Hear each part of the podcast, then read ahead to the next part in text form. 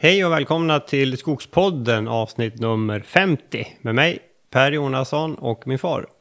Bo Jonasson. Ja Bosse, då var det dags igen och eh, den här veckan, eller månaden ska jag säga, har det jubileumsavsnitt det här, nummer 50. Mm. Mm. Och tre år har vi hållit på. Precis, eh, i tre år också. Det var där i april för tre år sedan vi drog igång med det här. Så det är roligt och det, vi ska reflektera lite över det. Men eh, innan vi gör det så ska vi presentera våra samarbetspartner.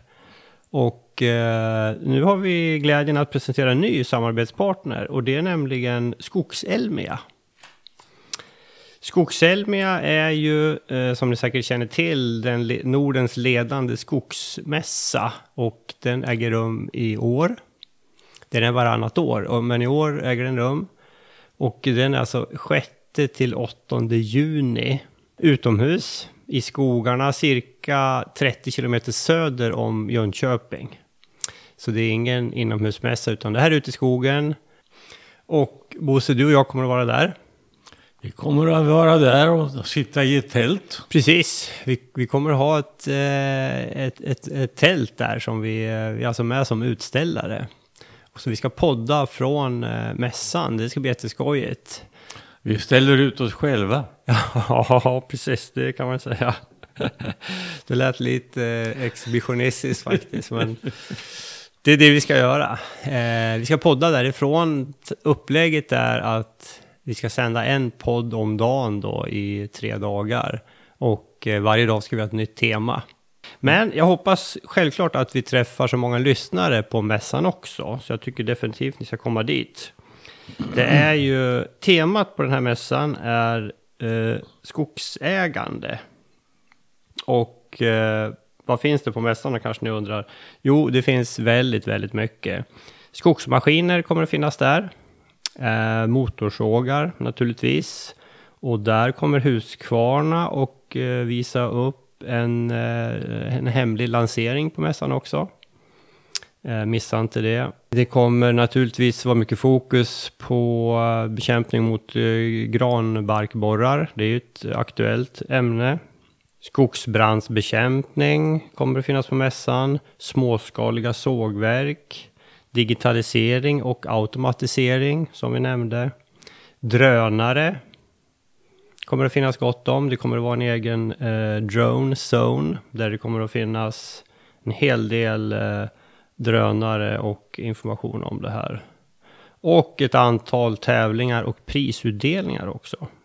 Ja, det här kommer att finnas väldigt, väldigt mycket. LRF kommer att ha lite miniseminarier där också. Det kommer att finnas lite äldre skogsmaskiner också. Skotar-SM också, ja. Ja, det, det, finns, det kommer att finnas väldigt mycket. Eh, jag tror det här kommer att bli himla kul och jag hoppas som sagt vi träffas, vi träffar många lyssnare där. Och nu eh, har vi ett erbjudande också tillsammans med Skogshelmia. Om man, eh, för att köpa en endagsbiljett, ett förköp kostar 240 kronor.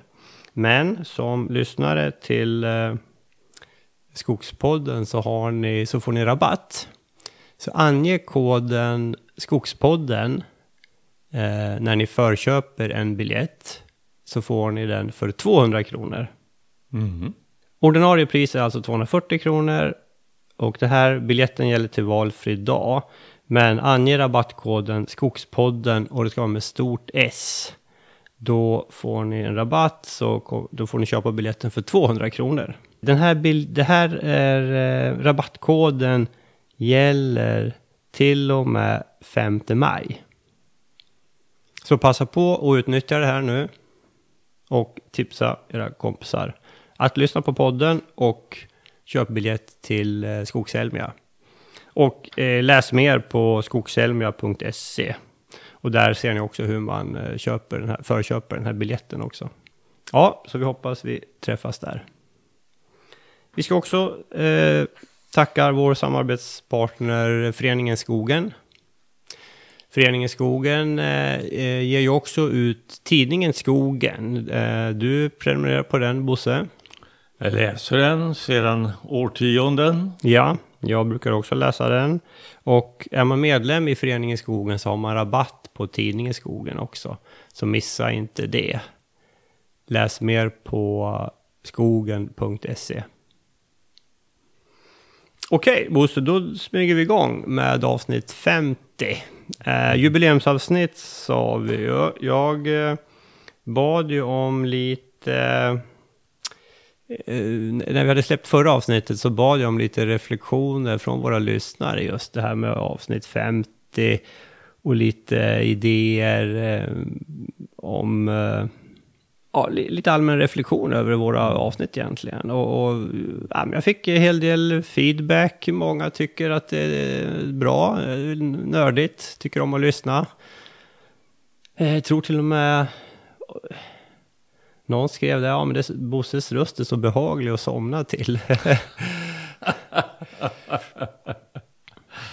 Så det är ju också ett sätt att utnyttja podden. Men det är ju många skriver det att ja, men vi lyssnar på eh, avsnitten flera gånger just för att eh, ja, de tycker det är intressant och kul. Men vi fick mycket tips också på ämnen som vi kan eh, eh, ta upp, som vi inte har pratat så mycket om. Strategier för försäljning av virke till exempel. Skogens ekonomi, alltså den ekonomiska biten, är många som är intresserade av. Det är ju återkommande. Det är återkommande hela tiden och mm. där skulle vi kunna prata lite mer faktiskt. Mm. Mm. Även om det är, eh, det är svåra ämnen, men det är ju alltid aktuellt. Vi får tänka till lite grann där. Det får till. vi göra. Mm. Det var någon som kommenterade det där med, vi pratade mycket om det här med plantera gran och så tall i kombination. Att det eller det är flera som har sagt att det här är någonting som, som jag ska pröva eller har prövat.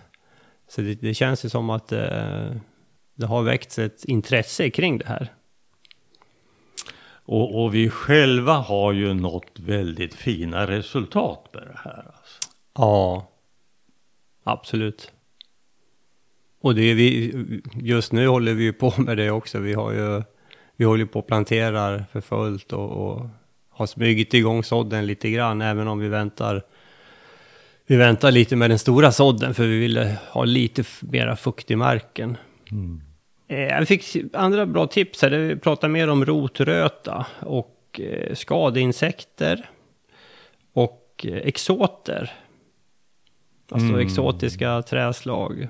Mm. Och det kan ju vara extra intressant om vi har den här alltså klimatförändringen, mm. mera torka, mera storm. Mm. Finns det träslag som klarar det bättre?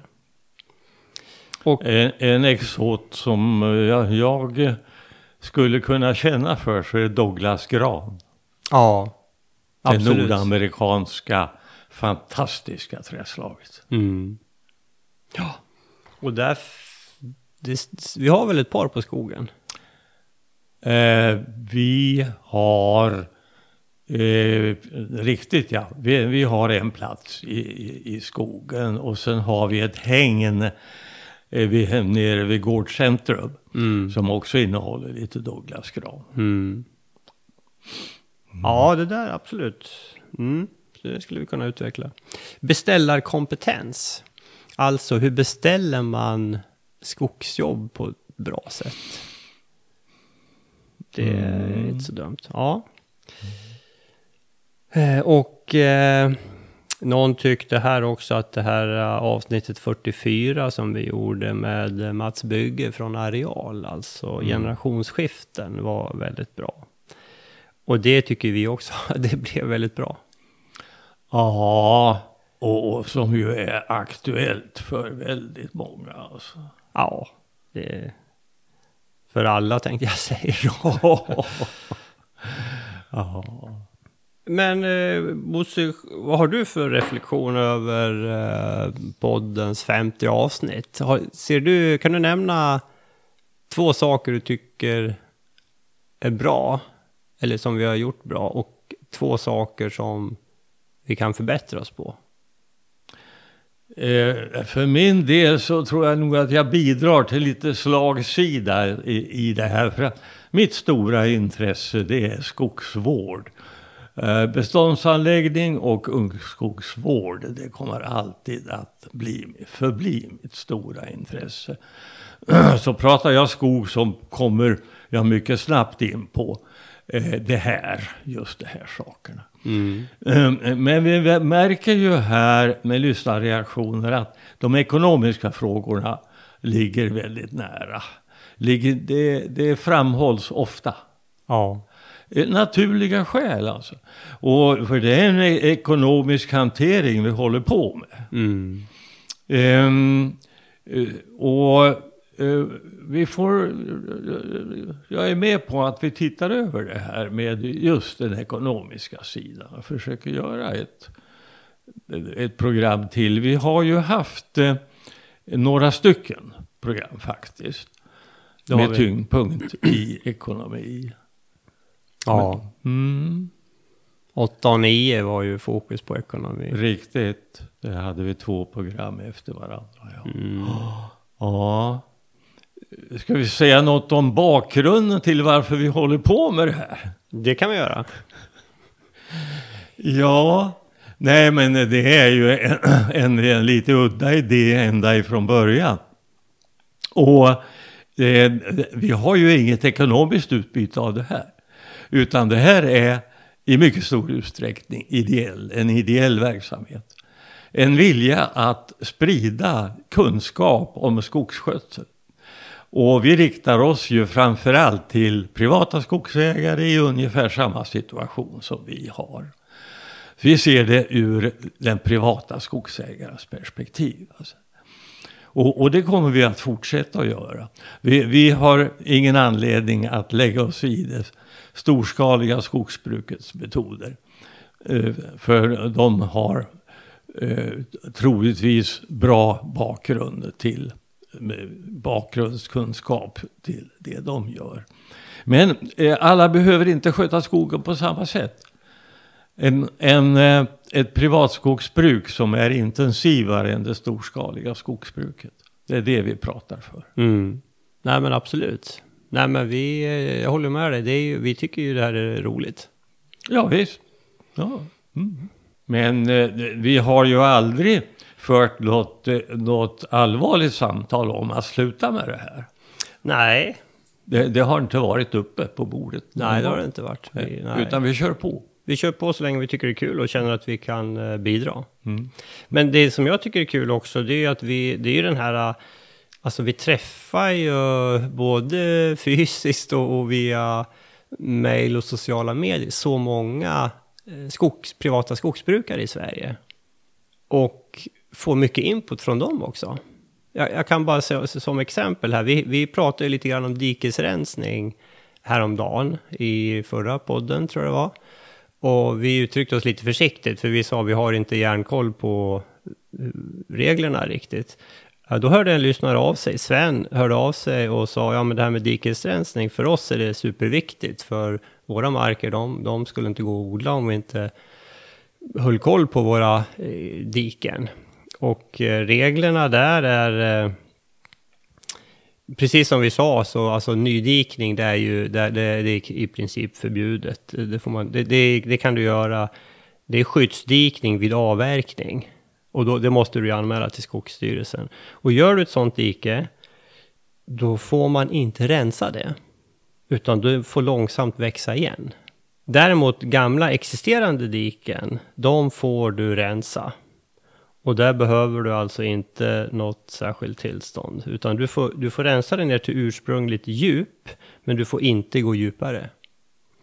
Så därför är det ju viktigt, enligt eh, Sven här då, att man håller koll på sina gamla diken om man vill liksom fortsätta utnyttja dem. För har de väl liksom växt igen och försvunnit, ja, du får inte ta upp dem igen då, utan du, du måste rensa dem kontinuerligt. Ja, så den här interaktionen med våra lyssnare tycker jag är väldigt rolig. Och, vi lär oss ju en massa ifrån våra lyssnare också. Ja men helt klart. Så det, det tycker jag är kul. Och det är därför jag ser fram emot eh, eh, Skogselmia i sommar också. Och kunna träffa många lyssnare. Mm. Yes, okej. Ska vi gå vidare till... Vi har ju vi har en jättespännande intervju vi ska eh, presentera. Ja, visst. Professorn på SLU, Thomas Lundmark. Ja. Professor i skogsskötsel. Ja. Och eh, väldigt eh, kunnig. Vi fick ju eh, träff på honom här nyligen på Forum för bioekonomi och eh, så här lät det när vi träffade honom. Thomas Lundmark, välkommen till Skogspodden. Tackar. Vi befinner oss nu på Münchenbryggeriet i Stockholm där Forum för bioekonomi pågår för fullt. Vi smet ut lite grann för att få en pratstund med dig och eh, du, du kan väl börja med att du presenterar dig själv och berätta lite om vem, vem du är. Ja, Thomas Lundmark heter jag alltså. Jag är professor i skogsskötsel vid eh, SLU. Eh, uppe i Umeå håller jag till för det mesta. Bor i Vindeln. Liten skogs och jordbruksfastighet. Lite hästar och ett eh, stort växthus. Eller stort, ett, för, att vara ett, för att vara ett litet växthus är det stort. Ja. Eh, vi har tre ungar som eh, kör på med allt möjligt. Ja. Och berätta, vad, vad, gör, du på, vad gör du på SLU? Eh, ja, just nu så har vi eh, två stora aktiviteter. Det ena är att vi har någon, någonting som kallas för en Future-plattform, så är ett efterliv från ett forskningsprogram som heter Future Forest som pågick i åtta år som var tvärvetenskapligt eh, jättespännande forskningsprojekt om jag får säga det själv. Eh, men eh, som eh, bedömdes som så framgångsrikt så att SLU och Skogforsk och Umeå universitet har valt att eh, satsa på en permanent eh, installation kan man säga som fortsätter jobba med tvärvetenskapliga frågeställningar och väldigt mycket science to policy. Eh, det är den ena grejen som tar rätt mycket tid och sen den andra eh, saken är ett, ny, ganska, ett ny, alldeles nytt forskningsprojekt som finansieras utav Wallenbergstiftelserna som handlar om kunskapsutveckling för skogsskötsel med syfte att kunna på ett bra sätt öka skogens tillväxt i framtiden. Just det. Just det. Och det, är ju, det är en fråga som har varit uppe på agendan idag på Forum för bioekonomi.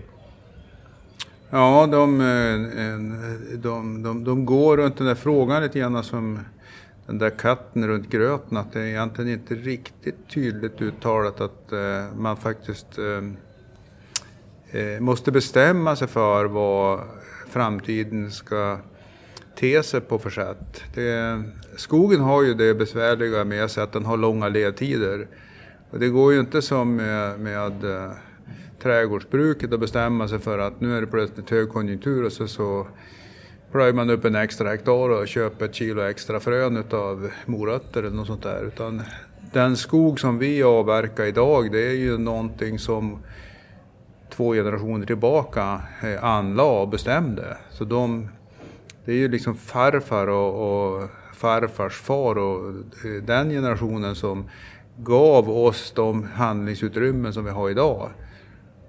Och därför känns det lite blekt tycker jag när man diskuterar om skogens tillväxt behöver öka eller inte i framtiden. Mm. För det, det, det vi inte gör idag, det är ju också möjligheter som vi fråntar eh, kommande generationer. För oss spelar det ju ingen roll. Vi kan ju skita i om skogen växer hit eller dit om 30, 40, 50 år. Då är ju vi inte med på den här banan. Men för barn, de barn som vi har och de ofödda barnen eh, har ju jättestor betydelse vad vi gör för åtgärder i skogen. Just det. Mm. För, för vi har ju historiskt så har ju tillväxten i den svenska skogen ökat och även vårt uttag. Men jag vet någon gång har du visat någon bild där du menar på att nu börjar det här nu börjar det här plana ut, så det finns inte så mycket mm. ökning kvar att ta. Alltså, och det blir fler och fler som vill använda sig av skogen. Så är det. det är, alltså den svenska skogspolitiken, den är mycket klurigare än man kan ana. Eh, många tror kanske att det är ingen som har tänkt, men det har tänkts oerhört många tankar, framförallt sedan 1900-talets början. Kan man säga. Under perioden 1902 till 1922, då drogs väldigt mycket av riktlinjerna upp, både inom skogsindustrin och forskningen och eh, politiken.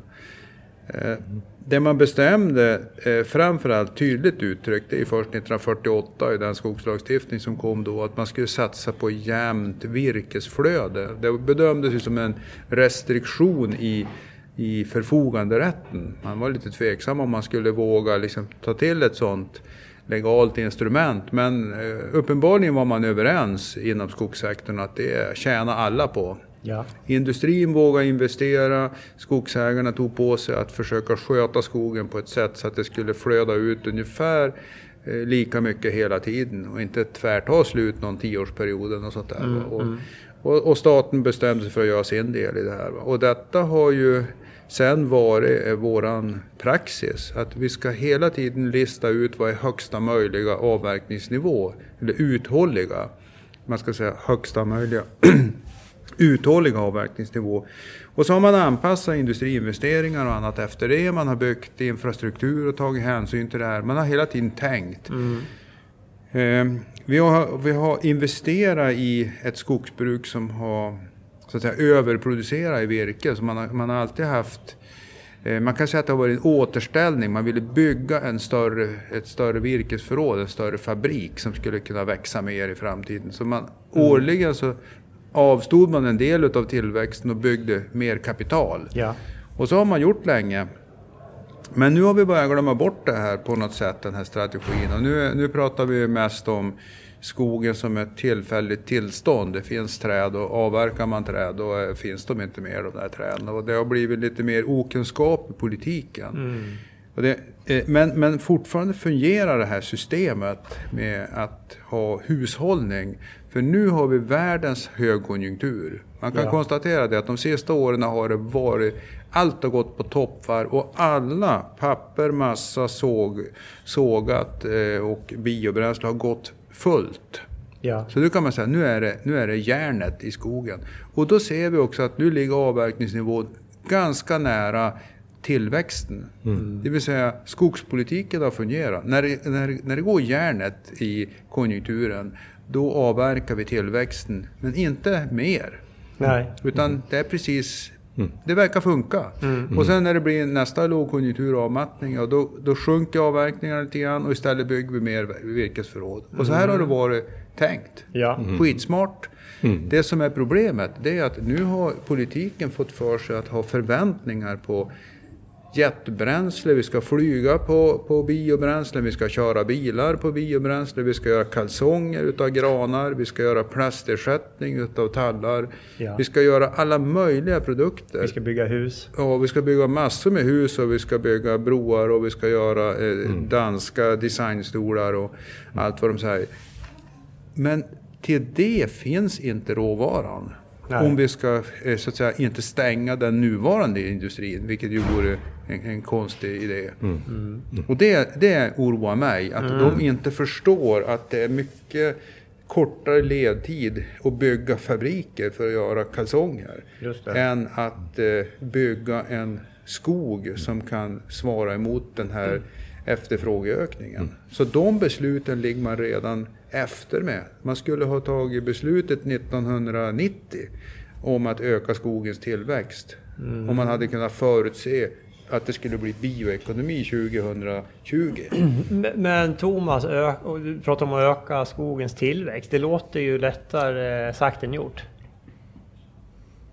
Ja, det är ganska lätt. Okej. Okay. alltså om jag eh, var Gustav Vasa och ägde all skog, då var det enkelt. Ja. Eh, jag har ju en, eh, det mesta, jag har en jävla massa skog i skogen ja. redan. Det står ju där Eh, många miljarder kubikmeter med träd finns ju redan där ute. Eh, det de suktar efter mest av allt eh, på fredagskvällar, det är kväve. Mm. Kväve är den, mest, den starkast tillväxtbegränsande faktorn i svenskt skogslandskap. På samma sätt som den har varit i jordbrukslandskapet. Ja. Det är en otroligt effektiv åtgärd, energieffektivt.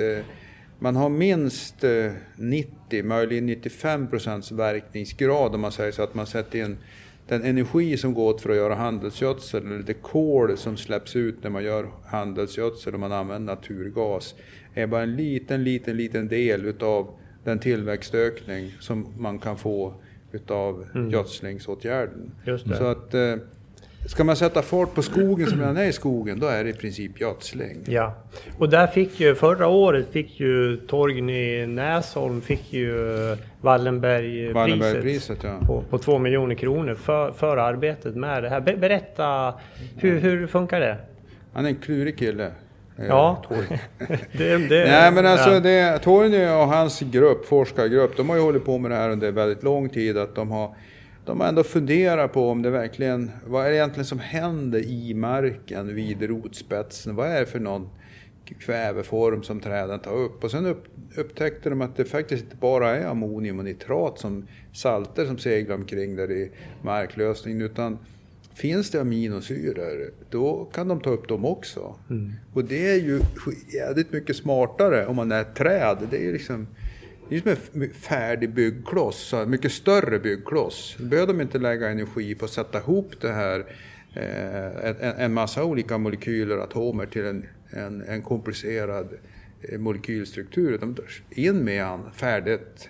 Det är, liksom som, det är som en byggkomponent ifrån Lindbäcks bygg i Piteå när man ska bygga hus. Det går mycket fortare. Ja, Och eh, sen har de jobbat vidare med det här och de, de kan ju konstatera det att det har väldigt positiv effekt på till exempel små plantor också när det gäller rotutveckling. Man har börjat använda det här i plantskolorna också som gödselmedel. Det har eh, ett gödselmedel, en kväveform som är, är, kan man säga, håller sig kvar i marken mycket bättre. Mycket, Ja. mycket mindre risk för läckage. Och det är otroligt lovande kan man säga det här med, med eh, hur mycket är det man, han, pratar om att han tillsätter, eh, hur många gram per, det, är- ju väldigt små mängder per planta istället för 150 kilo. Ja, det är ju ingenting. Alltså om man säger att eh, om, om man leker med tanken här att man tar eh, man använder ett långtidsverkande piller med arginin i som, som räcker någon månad eller någonting sånt där. Så gödslar man på dem i plantstadiet. Man skickar med, för det här kan man lägga med i rotklumpen. Just det. Och då eh, får man inte den här tråkiga effekten som det eh, är om man kör med ett eh, ammoniumnitrat. Att rötterna fattar inte, eller plantan fattar liksom inte att det, att det är ammoniumnitrat. De tänker jävlar, här var det gott om näring. Och så, så håller de på där en stund och sen en dag är det slut. Och då har de liksom inte byggt ut något rotsystem. Nej, och tillför man då mer utav det här för att det ska räcka längre, då blir det salteffekt och så har man ihjäl dem. Men den här, den här argininbehandlingen, den stimulerar rottillväxt istället. Vilket ju är eh, mö- möjligen märkligt, men det är, så är det. Och, och det ger oss helt nya möjligheter att utveckla föryngringssystem som vi inte haft tidigare. Och kan man använda det här argininet i plantstadiet och lyckas gödsla dem när de är små och prima plantorna så de växer fortare.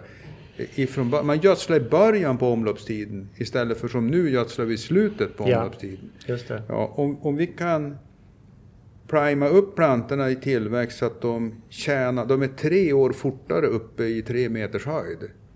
Då har vi ju tjänat tre års tillväxt. Och på en medelbonitet i, i, i Sverige, så att det är 5 kubikmeter, så blir det 15 kubikmeter. Man kan låta dem växa ut alla de där tre åren, så tjänar du 15 kubikmeter, vilket är lika mycket eller något mer än om man gödslar 150 kilo kväve i slutet på omloppstiden. Och då har, då har det gått åt något enstaka kilo i eh, föryngringsfasen. Ja. Men du tänker dig hela tiden här, alltså förhållandevis unga plantor och träd. Att, att man gödslar om, in, inte... Nej, så vi, alltså vi, det, den forskning som vi har bedrivit inom det här området, den visar ju på att eh, man kan säga att utifrån ett, ett eh, företagsekonomiskt perspektiv är det bättre att gödsla nära skörd. Därför du vill ha ränta på pengarna. Ja. Eh, Så, att ut, det, det, så är det ju. Men om du vill ha ut verkningsgrad, om du vill ha mesta möjliga tillväxt per insatt kväve, då ska man vara i början på rotationsperioden eller omloppstiden. Det är när, när, när tillväxten är under ökande som man ska, ga, man ska gasa. När man gödslar i slutet på omloppstiden, då är det ju liksom då har, ju, då har ju den årliga tillväxten börjat vara under avtagande och så, och så duttar man till på gasen och så fortsätter det utför. Det. Men eh, man tjänar, eh, man tjänar, man får mer kol bundet per insatt kväve om man är ute de första 50 åren. Mm. Torgny visade ju bilder på, på rotsystemet hur det såg ut eh, när det var behandlat med det här preparatet på, på, eh, på eh, skogsindustriernas, IVA, eh, i, på IVA där på eh, forskningsagenda, sk- skogens forskningsagenda. Och det var ju en markant skillnad på rotsystemet. Och det här är ju vad jag förstår, det här är ju en kommersiell produkt redan idag. Ja, han, han, eh, han har ett bolag som heter Arevo. Och eh, eh, de jagas från hela världen. Ja. Jaha. Är det här, eh, är, är, är man först i världen med det här säger du? Han har, eh, jag sa att han är en klurig kille. De har några, de har bland annat, han har några patent som är väldigt viktiga och avgörande för eh, vad ska man säga, en, en sorts förädlingssteg i att göra det här från en vanligt, ett vanligt eh, potatismjölsliknande pulver till en, en pastill som man kan Ja. hantera på ett bra Just sätt. det. Nej men Bosse, vi har ju sagt vi ska ju testa det här i vår beskogning här i vår. En, en liten yta för att se. Det finns ju att köpa det här preparatet eh, har vi sett. Ja, Va, vad heter hans bolag sa du? Arevo. Arevo. Mm. Arevo. Mm. Ja, jättespännande verkligen. Men då- men varför känner man in- varför skriver inte varför är inte det här allmänt eh, kunskap? Det är så otroligt epokgörande känns det som. Ja, men det är, det är ganska nyss. Ja, Eh, vi kommer att lägga ut, eh, vi har en doktorand nu som kommer att jobba med det här. Eh, Torgny får ju inte vara med i, i själva forskningsdelen eftersom han har, han har företaget. han har ju företaget va, så han kastar vi ut. Eh, men eh, vi har en, en eh, doktorand som eh, bland annat finansieras av Sveaskog. Sveaskog är på hugget Ja. Alltså, eh, om det här och eh, som vi har rekryterat precis. Eh, en hon som börjar om någon vecka. Ja.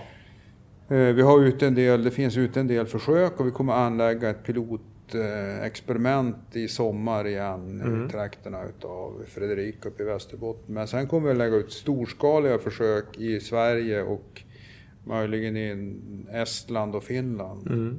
Så att vi kör ganska hårt med det här. För att fungerar det här som jag tror att det fungerar så är det faktiskt ett paradigmskifte när det gäller skogsföryngring. ja. För det innebär också att man kan utveckla både markberedning och mekaniserad plantering på ett helt annat sätt. För nu har man ju hittat en annan metod att få rötterna att växa ut. Då kan man glömma det här med omvända torver och eh, högar och grejer och sånt där som är förstås, förståndsmässigt förstår man att det är bra planteringspunkter men tekniskt är det väldigt svårt att åstadkomma och det är ännu svårare att göra mekaniserad plantering om man markbereder och planterar i samma ögonblick. För alla de här omvända torvorna, högarna, borde egentligen ligga till sig. Och sen är det en svår instruktion för en plantör att hitta en bra planteringspunkt när de inte vet om det är bara en torva som ligger på en torva eller om det är en bra man. tänker du på både tall och gran här? Ja, och björk. Och Och, och, och eh, alltså våran vision, eh, eller hypotes, den är den att man kan nu hitta en markberedningsmetod där man blottlägger mineraljord i en fläck. En inte alldeles obekant metod eh, från 50-talet. Men en intermittent metod som gör en, en mineraljordsyta som är exponerad. Man kan försöka skapa en, en högre punkt i den här för att inte få en grop. Ja. Utan har- Men inte nödvändigtvis en hög utan bara den är minst i, i nivå med marktäcket i övrigt. Och sen sätter man plantan mitt i. Det vill säga, man tar bort allt näringsrikt humusskikt och annat, FO-skiktet är borta. Men man kompenserar det med eh, arginingödsling. Och sen så får plantan stå relativt fritt utan konkurrerande vegetation under en kanske en eller två vegetationsperioder bero- beroende på var man är i Sverige. Så kan man återupprepa den här gödslingen om man koordinatsätter plantorna med röret med en precisions-GPS.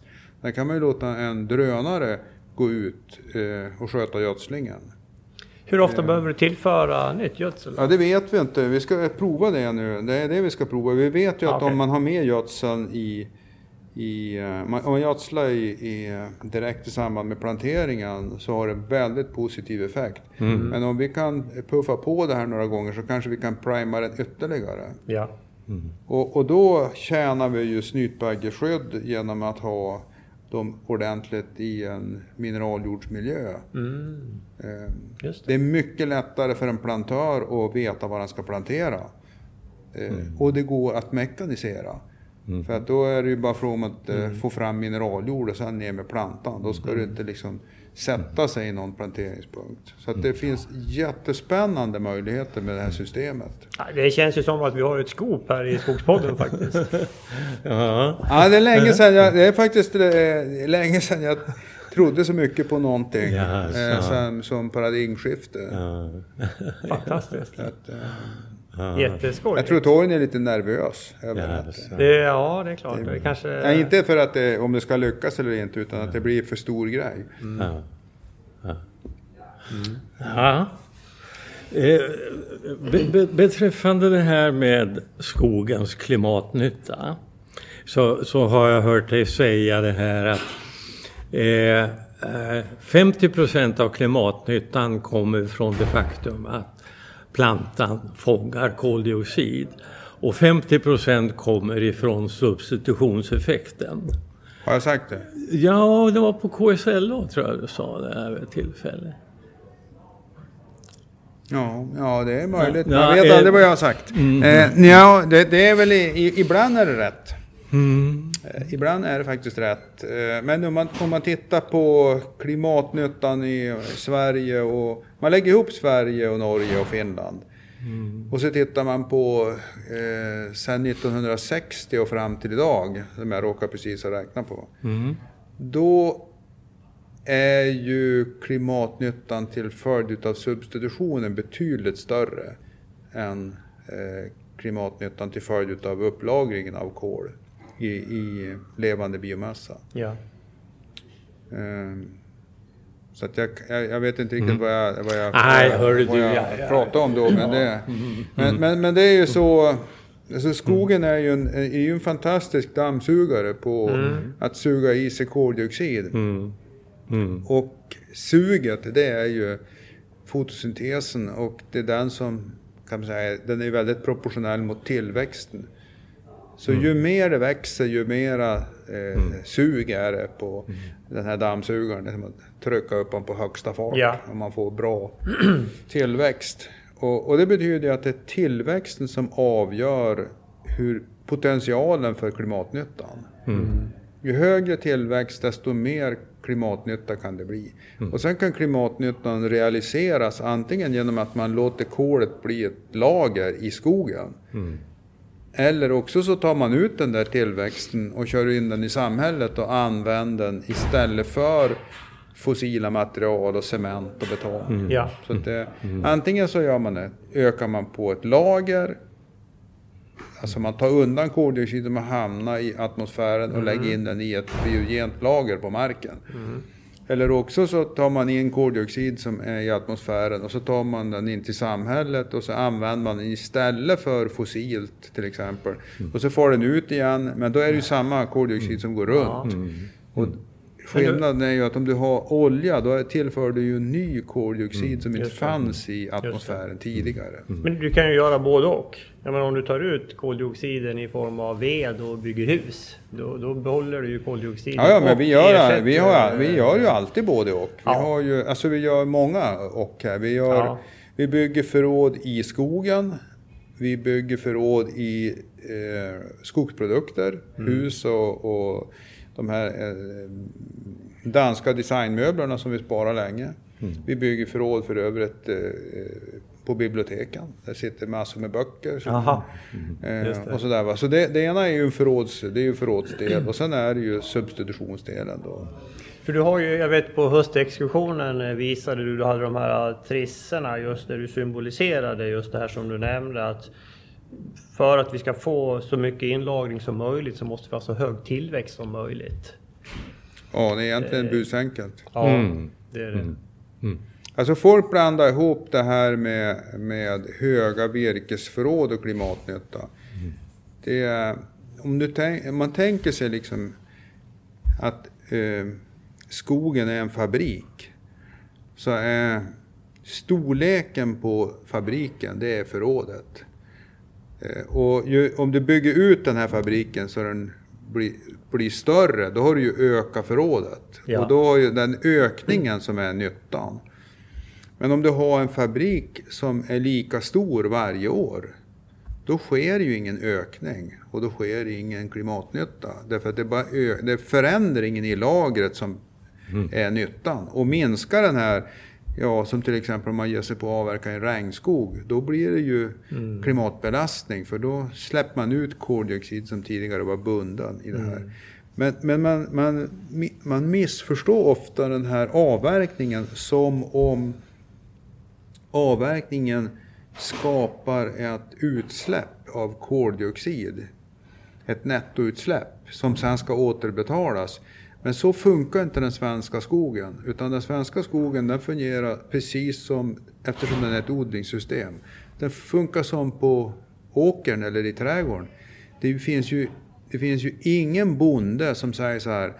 Ja, i höstas så har jag skördat vete och nu är jag skyldig. Jag, blev, jag har åstadkommit en skuld och jag måste så nytt vete nästa år för att återställa skulden.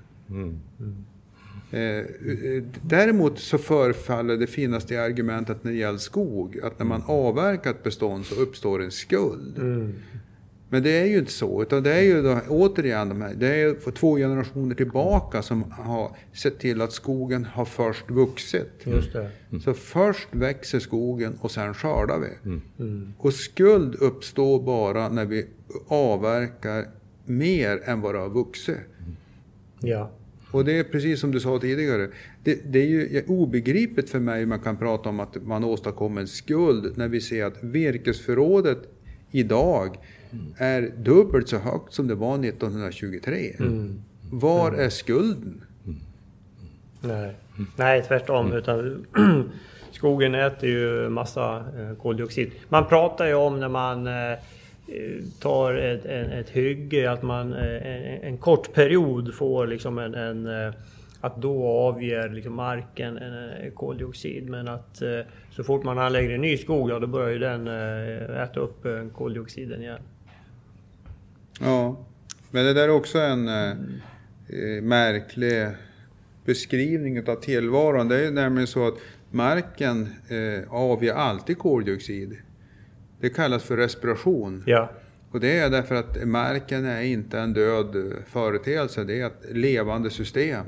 Här finns det miljarder med nedbrytare. Det är svampar och bakterier och allt möjligt eh, som om, eh, huserar i det här marksystemet. Och de andas precis som vi. ja, Och det, den, det, det skapar respiration. ja. Eh, när det står träd på skogen, på skogsmarken, då är fotosyntesen mycket större än respirationen. Och då ser man det som ett nettoupptag. Men när vi tar bort träden, då tar vi bort fotosyntesen. Men det är i samma respiration. Och, då, och då får folk för sig att, nej men titta nu börjar det läcka. Men, men det har inte hänt någonting. I, ma- marken, eh, eh, eh, den kör på som, som dagen innan. Den upptäcker möjligen att det blir lite varmare och sådär, lite ljusare och, och kanske lite torrare. Det kan påverkas lite grann. Men det, det, är en, det är egentligen en felaktig beskrivning att säga att den börjar läcka. För det finns där det, det är som att någonting har gått sönder, men det, det funkar precis lika bra som förut. ja. Den här arginineffekten är, är ju positiv här i och med att växtligheten kommer igång. Och eh, fotosyntesen blir effektivare på den här. Kommer Ja. snabbare igång. Ökar tillväxten. Ja, ja, det är så Så det är ju precis, så det går ju hand i hand eh, med skogens klimatnytta, den här ökade tillväxten. Det finns en faktor till som vi ska nämna och det är det här med, det forskas mycket om genetik Mm. inom skog. Berätta lite grann om det. Kan det öka tillväxten också? Ja, det får vi verkligen hoppas. Att, ja, men det, har- det, eh, det ska det ju redan ha gjort. Även om det inte börjar, det, det, det syns inte jättemycket än, eh, eftersom de är fortfarande unga. de här eh, de, de växtförädlade plantor som är ute i skogen. Det är ju ganska mycket mm. förädlat material ute nu men de är ju fortfarande eh, i ett ungt tillstånd. Men de ska väl börja göra rätt för sig eh, på sikt. Så ja. att, man räknar ju med att den växtförädlingens arbete ska ge ett ant, några tiotal procent i tillväxtökning på sikt. Några tiotal? Ja, det är lite olika mm. uppgifter om, mm. om men är det inte så att man liksom nu, nu har ni kommit ännu längre än, än liksom de förädlade frön som vi satte, som vi sådde för 15 ja, ja, år man sedan? Blir bättre, man blir ju bättre och bättre och, och med, med, eh, genom att kombinera klassisk eh, klassisk genetik, alltså eh, förädlingsmetodik med molekylära tekniker så kan man snabba upp urvalsprocesserna.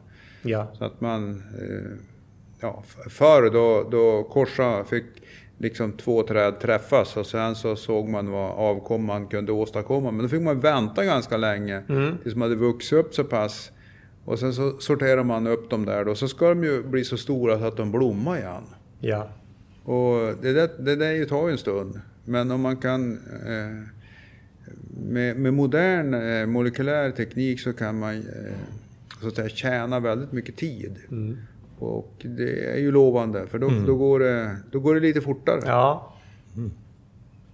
Och det, där har man gjort vissa genombrott nu ganska nyligen. Eh, är det inte så? Ja, det tror jag att man kan säga. Att man har ju, det är ju under ledning av Ove Nilsson uppe i Umeå, en annan Umeåbo. Han är också en klurig kille. Ja. Kan jag säga. Så, är, så startar man precis nu ett, eh, ett stort eh, kan säga, ett omtag när det gäller skogsträdsförädling. Då tillsammans med andra aktörer, där även Skogforsk ingår då. Men mm. Det ser ju också jävligt spännande ut. Mm. Eh, mycket kul grejer på gång. Ja. Mm. Vad tror du då? Den här genetiken, förädlingen och den här aminosyrorna med kväve. Vad tror du liksom tillsammans de här kan ge? Alltså när det gäller ökad tillväxt, om, om vi liksom brev på för fullt där? Om de är additiva de här... Ja... Nej, men jag, jag säger så här istället, om skogsskötsel tillåts använda eh, dagens bästa teknik och vi kan få en social acceptans för odlingssystemet skog mm. Så skulle jag vara väldigt förvånad om vi inte kan fördubbla tillväxten. Mm. Det är ju fantastiskt. Mm. Och vad skulle det betyda för markpriserna på skogen? Ja, de borde ju öka på motsvarande sätt. Ja. Det är väldigt det är också en lustig sak. Jag känner bara till en enda eh, kommersiell markägare som justerar eh, eh, balansräkningen när de gör investeringar i produktionshöjande åtgärder. Men vi har ju en tendens att se alla investeringar i skogsskötseln som en kostnad. Och sen, bryr man, och sen tror man fortfarande att markvärdet är konstant. Ja.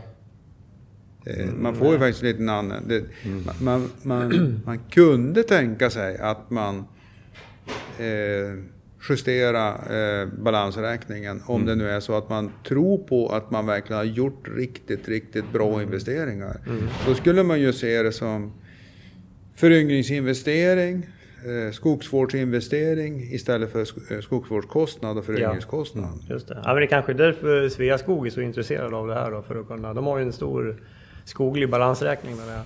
Ja, nej men Sveaskog tror jag har... Mm. Eh, om de inte har fattat det än så har de i varje fall väldigt nära att de har fattat ja, det. Kul. Vi hörde ju lite, du var ju uppe här på in, in debatt och du, du efterlyste ju lite grann klarare direktiv då från politikerna och det, du var ju inne på det här också. Just ja. att man, man, vi hör ju ofta om mål för, alltså miljömål, men det är ju väldigt sällan vi pratar om produktionsmål. Det är aldrig.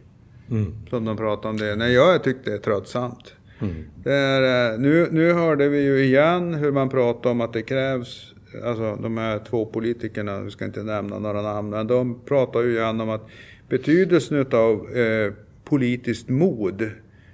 Och sen pratar de om att skogen skulle ha en central roll. Men det är för dem fortfarande fullkomligt omöjligt att berätta om de tycker att skogens tillväxt är lagom eller om den behöver öka. Mm. Av något obegripligt skäl så kan de inte säga det. Och det, jag har provat det här med, med många ledamöter i, i miljö och jordbruksutskottet också. De, det är som att det, det, det törs de inte, eller, eller också fattar de inte det. Eller vad det Men är. kan det inte vara, nu spekulerar jag fritt, men kan det inte vara så att man inte är, liksom förstår att, att man kan öka tillväxten i skog? Jag menar, vi, vi odlar skog jätte, jättelänge. Ja, det är, det är ju förstås ett, en extremt oroande förklaring. Jag hoppas verkligen att det är inte sant. Men, men det är... eh, Ja, jag blir, jag, blir, jag blir faktiskt väldigt besviken på det här, att de inte ens kan ha en åsikt. De har ju åsikter om allt. Men varför kan man inte ha en åsikt om man tycker att skogen eh, har en tillväxtnivå som är för hög eller för låg eller vad som helst. Ja. Att säga något annat än att den ska spela en central roll. Åsiktskorridoren är smal. Ja, om den ens finns. Ja, spännande. Ja, jätteintressanta... Alltså man blir så... Eh, jag råkar precis ha läst en eh, idéhistorisk eh, doktorsavhandling om, om en av våra stora pionjärer inom skogsforskningsområdet som heter Henrik Hesselman. Och när man läser den boken och noterar på vilket sätt som politiken har varit aktiva. Menar Arvid Lindman, han var ibland statsminister och ibland var han ordförande för Skogsforskningsinstitutet. Och, eh, ibland, alltså de, de, de hade otroligt täta kontakter mellan politik och forskning och eh, även då eh, näringsliv. Ja. Men speciellt eh, intressant är det att se hur nära de arbetar tillsammans mellan politiken och forskningen. Då hade det betydelse eh, vad vetenskapen kunde komma fram till. Du saknar, du ser inte den samarbetet idag alls eller? Inte när det gäller den typ av frågor som man behandlar på 1900-talets början. Då var man ju väldigt, väldigt... eh, Då handlade det om att försörja nationen och utveckla välstånd. Nu har vi någon form av fossildriven lyxverksamhet där vi ägnar oss åt eh, dåligt samvete och, och en intellektuell eh, övertygelse om att eh, klimatet hotar oss och vi måste göra någonting. Eh, Fast egentligen, det händer ju inte så jättemycket. Man Nej. pratar ju mycket mer än, än, än att man gör någonting. Och Ja. nu, om man hör att de ska satsa någon, några miljarder eh, nu på olika typer av klimatinvesteringar. Men det är ju struntpengar jämfört med den eh, samhällsomvandling som skedde då i början på 1900-talet. Jag Tänk, tänk på att bygga, bygga stambanan. Ja. Eh, Bygga ut, man byggde ut, man elektrifierade landet, man byggde telefon, man byggde ut post, man byggde ut vägar. Men hade vi haft det gänget med politiker, och vi fick dem till att vakna upp från 1919, komma hit till 2019, skulle det förmodligen hända grejer. Ja. Ja, nej, men det har du ju absolut en poäng. Men eh, på tal om att, och, det här med främja forskning. Du nämnde ju eh, Wallenberg, eh, Knut och Alice Wallenberg stiftelse skjuter till pengar till forskningen. Vad, vad betyder den för svensk träforskning och skogsforskning? eh, Knut och Alice Wallenberg stiftelse? Alltså för, vårat, för våran del är det ju en, en, ett fantastiskt erkännande. De, de skickar ju inte ut några pengar om det inte har varit... Alltså det är ju det är en ganska eh, hård granskningsprocess. Så det ska ju vara eh, någon sorts toppforskning för att de ska lägga ut slantarna. Sen har de ju dessutom bestämt sig för att satsa på skogsskötsel, vilket ju jag tror inte har hänt tidigare. Och det är därför att de har bedömt det som strategiskt och landsgagneligt. Den stiftelsen är förmodligen Marcus Wallenberg som har bestämt att eh, någon måste kunskapsutveckla om skogens skötsel. För förr eller senare kom politiken att begripa att eh, eh, vi måste vidta åtgärder för att få tag på mer förnybara råvaror. Och då är det för sent att börja forska. Så man måste börja forska innan de har begripit. Mm. Jag antar att det är så ungefär man ska Ja. tolka det. Ja. Nej men det är fantastiskt. De, de skjuter till otroliga pengar. Dels till skogsforskningen och sen har vi hela Wallenberg Wood Science Center också där som, eh, ja, som, som... Och det här sker ju lite i det tysta också kan jag tycka. Det jag tror inte gemene man eh, är medveten om de enorma summorna. Det är, det är ett antal miljarder som de stoppar in eh, i forskningen eh, varje år. Mm, de har alltid varit...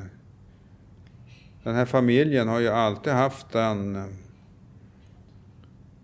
Kan säga, den idén om att de ska bidra till samhällsutvecklingen. Eh, Jag bodde, vi var på eh, hästtävling i Timrå förra veckan, eller förra helgen, och då bodde vi på Vivsta varvs herrgård. Det visade sig att vi hade fått övernattning i rummet som var Wallenbergs favoritrum.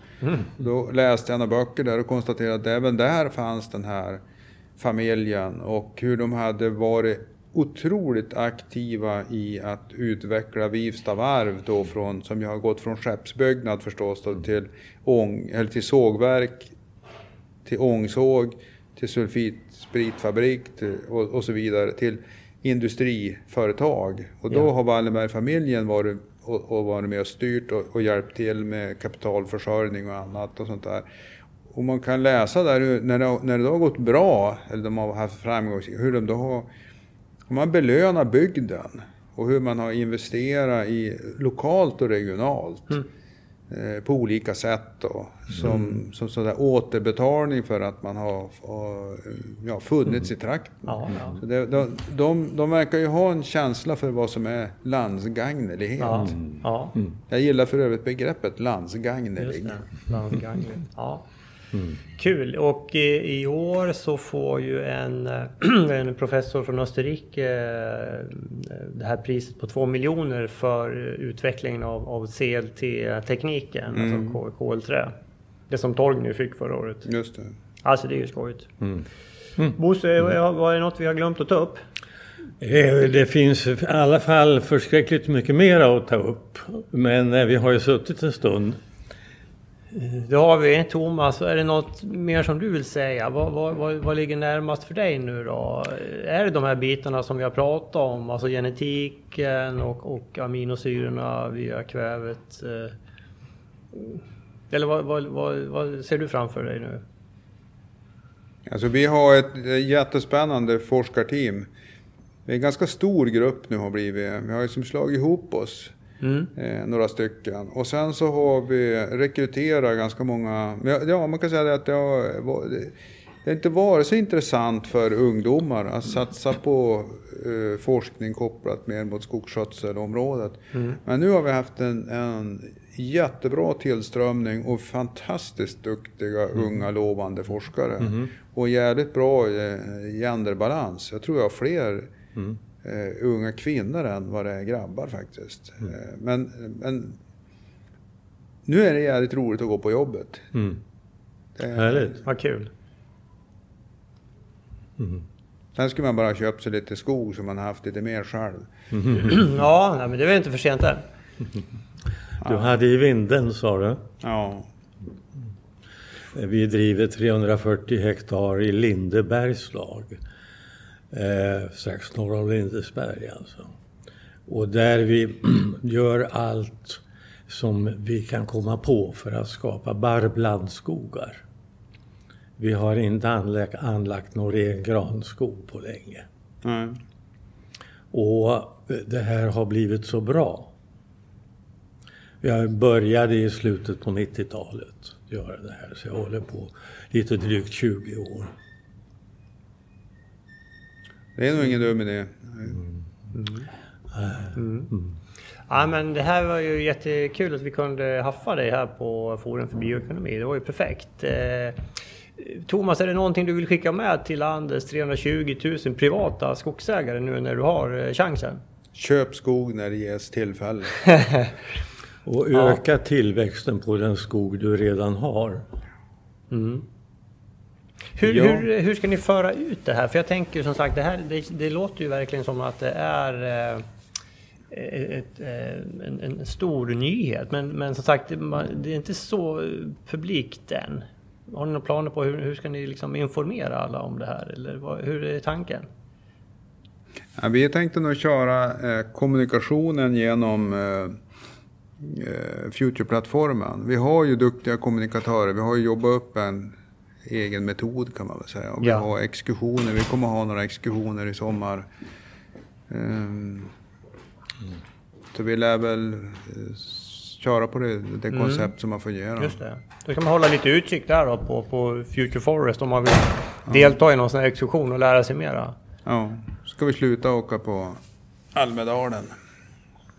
Jaha. Det, tar, det tar otroligt mycket tid och kraft mm. och, och, och, det är ju samma gäng hela tiden. Så vi tänkte lägga den kraften på, mm.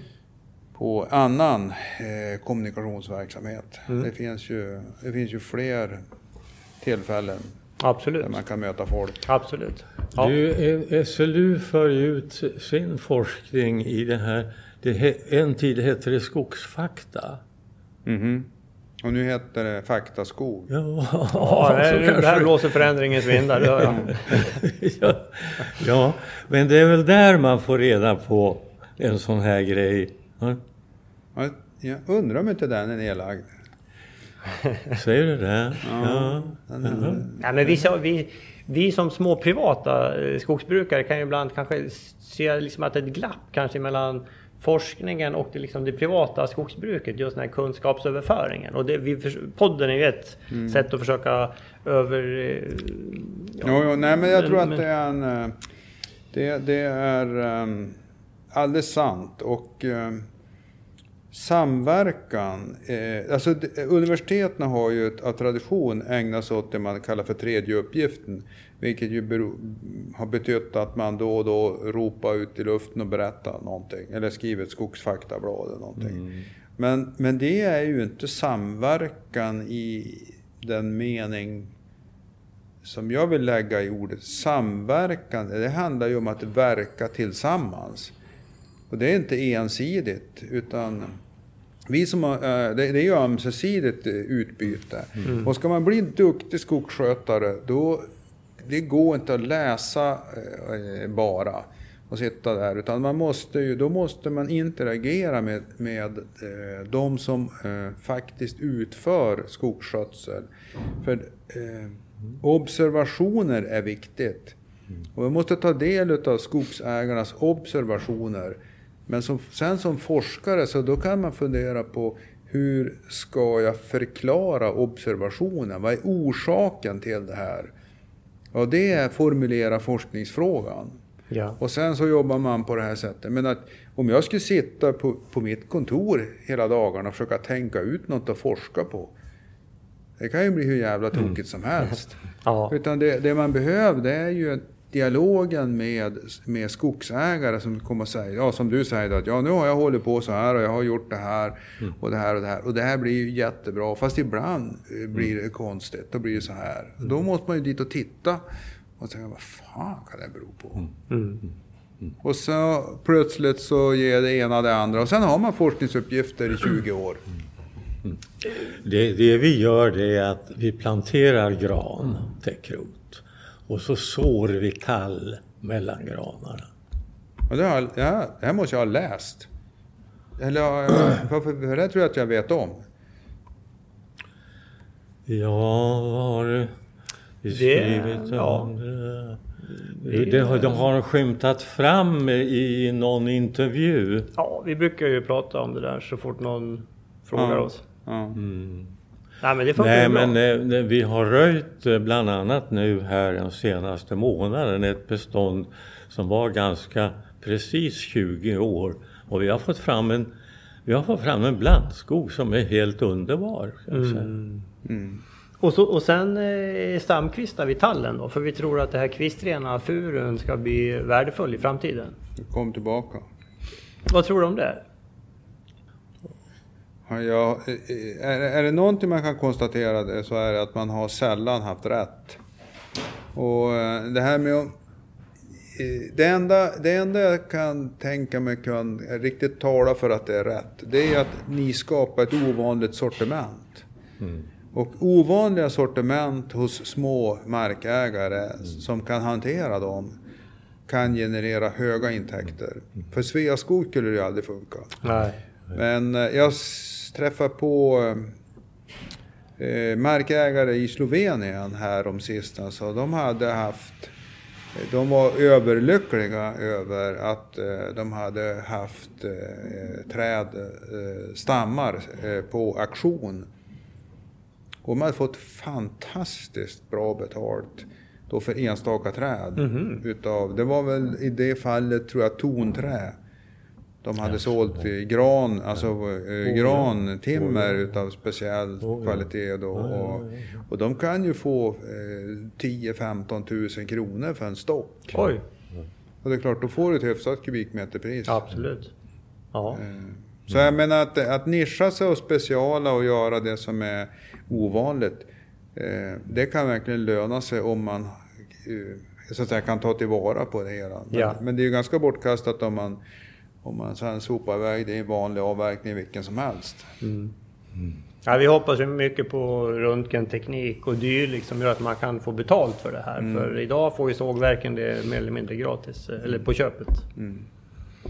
Ja. Eh, Jag har, vi har inte fått egentligen någon att tro på det här att vi med, med framgång sår på G30, G32. Tall. Men så tall på, Men, på de eh, markerna. men det vet inte era tallfrön om så att de växer Nej, då. ja, Ja, men precis. Ja, just det. ja. Ja, nej, men det är spännande. Jättekul. Eh, Stort tack eh, Thomas Lundmark för vi fick intervjua dig. Och det här kommer vi säkert att få läsa och höra mer om i framtiden. Kul att vara här. Jag har aldrig varit med i en podd förut. Så det- Ja. Nej men det är bra, det tackar vi för. Och nu är det snart lite mingel här för de, nu är det alldeles strax slut här inne. Så det blir bra. Det går bra att mingla. Ja det går att mingla. Okej. Men så hjärtligt tack ska du ha. Ja, det här var ju klart intressant, eller vad säger du Bosse? Ja, men visst är det det. Eh, han uttrycker sig ju så positivt om den pågående skogsforskningen. Det verkar finnas eh, arbetsglädje och inspiration.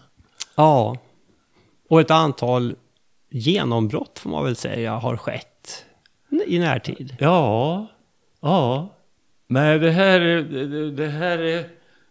Det här är väldigt hoppingivande. Ja, ja det är det helt klart. Alltså både den här eh, gödningen, ag- all-arginin, Ja, Argrow. ja som produktnamnet, eh, Det är... Argrow pro- produktnamnet ja, som, som, eh, som finns att köpa som kommersiell produkt. Ja, och som uppenbarligen är någonting. Vi, vi har ju faktiskt provat den här på en... I samband med att vi planterade så behandlade vi ett antal plantor med det här. Eller skickade med det här medlet med dem. Eh, ner till deras rötter. Och det här ska vi följa nu då. ska bli väldigt intressant. Ja. Eh, Vi har märkt ut eh, ordentligt det vi har gjort eh, både i vår skogsbruksplan digitalt då, men även med eh, satt ner pinnar med, med eh, band, så vi har det märkt också på, på hygget. Det här är ju ett medel alltså för som, eh, barrplan- som plantorna lätt tar upp. Ehm, och det, det, de tillgodogör sig, tillgodoser sig med det kväve de behöver. Ja, För kväve är ju den ständiga bristmarken. Eh, bri- Bristämnet. ja just det. Ja, och det här effektiviserar i hög grad kväveupptaget. Ja. Så istället för att skicka ut de här 150 kilo per hektar så, så skickar man ut eh, ja, gram per hektar. Mm, mm. Fantastiskt. Mm. Ja, det ska bli jättespännande att följa. Och Som sagt, det, det, det Torgny Näsholm har visat och det vi har sett i presentationer och sådär har ju... Ja, är det lika bra som, det, som man ser där så, så är det en, en helt revolutionerande nyhet inom skogsbruket skulle jag vilja säga. Ja, Ja, nej, men sen har ju, det var ju intressant också, vi pratar ju lite skogens klimatnytta också. Den, den, Ja. den kommer vi ju ofta tillbaka till. Ja. Mm. Ja, nej men kul. Vi, vi kommer säkert att få följa det här noggrant. Det är ju mycket kompetenta forskare på SLU där och vi ska ju inte glömma att de har ju också stor support ifrån eh, Wallenbergstiftelserna som eh, de gör ett eh, fantastiskt jobb och delar ut de här pengarna som, som kommer till nytta nu. Mm. Eh, med, med risk för att jag upprepar mig så skulle jag ändå vilja säga det här beträffande skogens klimatnytta. Att skogens främsta uppgift ur miljösynpunkt är att fånga in och lagra koldioxid. Ja, Det är ju jordens ödesfråga. jaha. Det är det verkligen. Och det ser vi ju mer och mer att det, det, det händer ju. Det går rätt snabbt nu. Alltså okej, det, det går alldeles på tok för långsamt att fasa ut de fossila drivmedlen. Men att det börjar ske en, en omväxling ifrån att använda plast till att använda produkter från skogen. Det ser vi ju. Mm. Men det, det är klart att det måste gå fortare. Mm. För det, de här uh, en och en halv respektive två graderna som det ser ut nu så, så fixar vi ju inte det. Vi måste skynda på omställningen. Mm. Men man kan ändå se att den har börjat. Ja, vi försöker ju bidra så mycket vi kan naturligtvis. Vi odlar så mycket skog vi orkar. Jag har solpaneler på mitt tak hemma i Mälarhöjden som eh, producerar as we speak.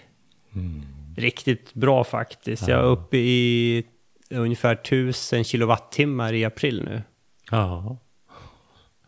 Det är kul. Ja, ja. Nej, men det, det är en, en betydelsefull insats på gräsrotsnivå. Ja, och det, det, det, det är där det måste ske. Vi kan inte vänta på att politikerna ska Nej. liksom göra det åt oss, utan det är vi själva som måste göra det. Ja, visst, och samtidigt trycka på politikerna. Ja, ja vi måste driva dem framför oss. Mm. Men det här med solceller, det förvånar mig att inte fler skaffar det faktiskt. Jag går ju runt i, i jag bor ju i Mälarhöjden där utanför Stockholm och ja, det är ju nästan ingen som har. Nej. Och det här är ju, jag skulle säga att det här är ju lönsamt. Mm. Mm. Sen är det en, en, det är en djungel att hitta rätt leverantör och få bygglov knöligt. Det tog mig sju månader, helt obegripligt. Svarta solceller på svart plåttak. tog sju månader.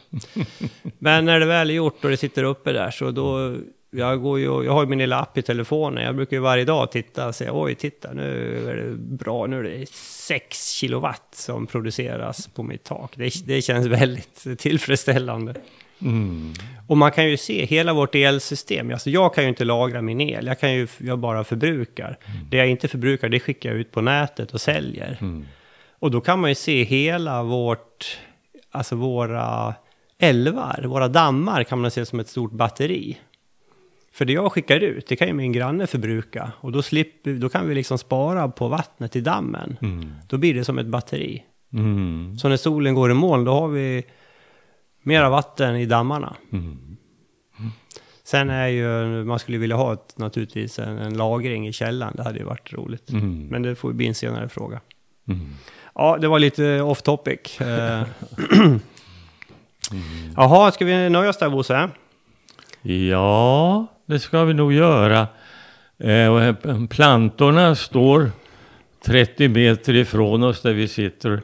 De väntar bara på att få komma i jorden. Ja, de, eh, de kan vi inte låta vänta. De, vi måste fortsätta plantera.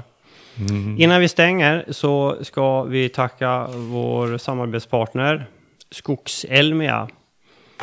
Eh, Skogselmia, den eh, Nordens ledande skogsmässa, den äger rum 6, 7 och 8 juni i år. Och eh, i skogarna utomhus, cirka 30 kilometer söder om Jönköping.